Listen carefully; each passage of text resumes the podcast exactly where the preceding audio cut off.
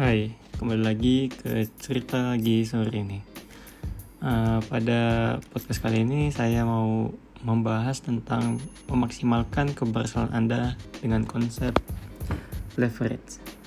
Leverage itu ada empat hal.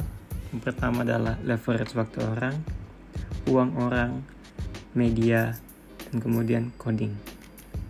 Kita bahas satu-satu mulai dari konsep leverage waktu orang. Pertama-tama mari kita bicara tentang hal ini. Uh, pada leverage konsep ini di mana Anda memanfaatkan, memanfaatkan waktu orang untuk mencapai tujuan Anda. Contohnya, jika Anda memiliki proyek besar, Anda bisa membentuk tim untuk mempercepat prosesnya. Pemikiran ini memungkinkan Anda untuk bekerja lebih cerdas, bukan lebih keras.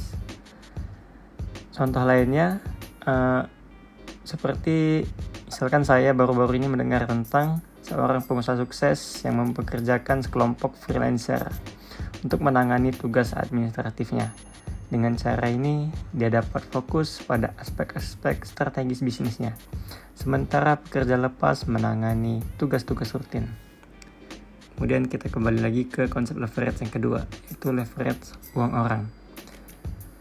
Hal ini berkaitan dengan memanfaatkan modal atau dana orang lain untuk mengembangkan usaha atau investasi Anda. Bagi Anda yang mengetahui tentang uh, konsep saham dasar, pasti Anda uh, tidak asing dengan leverage waktu orang, uang orang ini. Seorang investor cerdas yang saya kenal tidak hanya menggunakan modalnya sendiri untuk berinvestasi di pasar saham, tapi juga mengelola dana dari orang lain. Dengan menggabungkan sumber daya finansial, dia dapat memaksimalkan potensi keuntungan dan minimalkan risiko. Selanjutnya, mari kita bahas tentang leverage media. Dalam era digital seperti sekarang, media memiliki peran yang sangat penting dalam memproduksi, mempromosikan, dan mengembangkan bisnisnya. Seorang pengusaha muda memanfaatkan platform media sosial untuk membangun mereknya dengan menggabung, menggabungkan konten yang relevan dan berbagi cerita pengalaman. Dia berhasil menciptakan komunitas yang besar di sekitarnya. Media menjadi alat yang kuat untuk menghubungkan dan berinteraksi dengan audiensnya.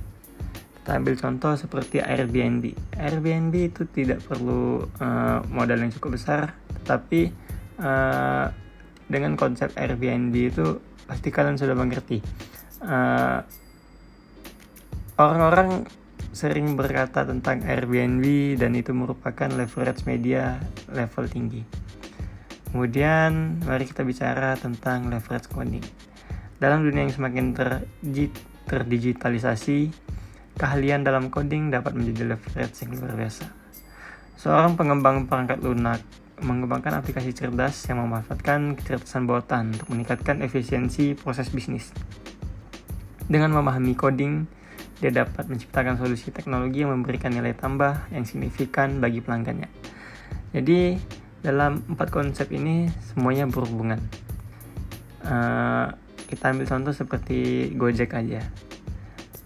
Gojek itu uh, hanya butuh dari coding aplikasi, kemudian mereka uh, me, uh, melakukan leverage media dengan promosi di Facebook Ads, Google Ads dan semacamnya.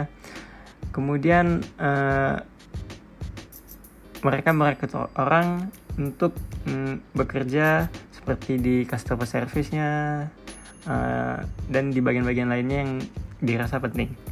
Kemudian uh, beberapa tahun terakhir uh, Gojek juga sudah membuka saham di IPO seperti Goto. Mereka memanfaatkan uh, uang orang lain untuk mengembangkan bisnisnya.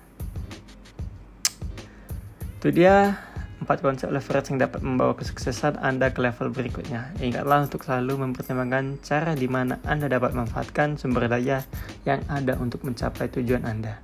Terima kasih telah bergabung di podcast ini. Sampai jumpa di episode berikutnya.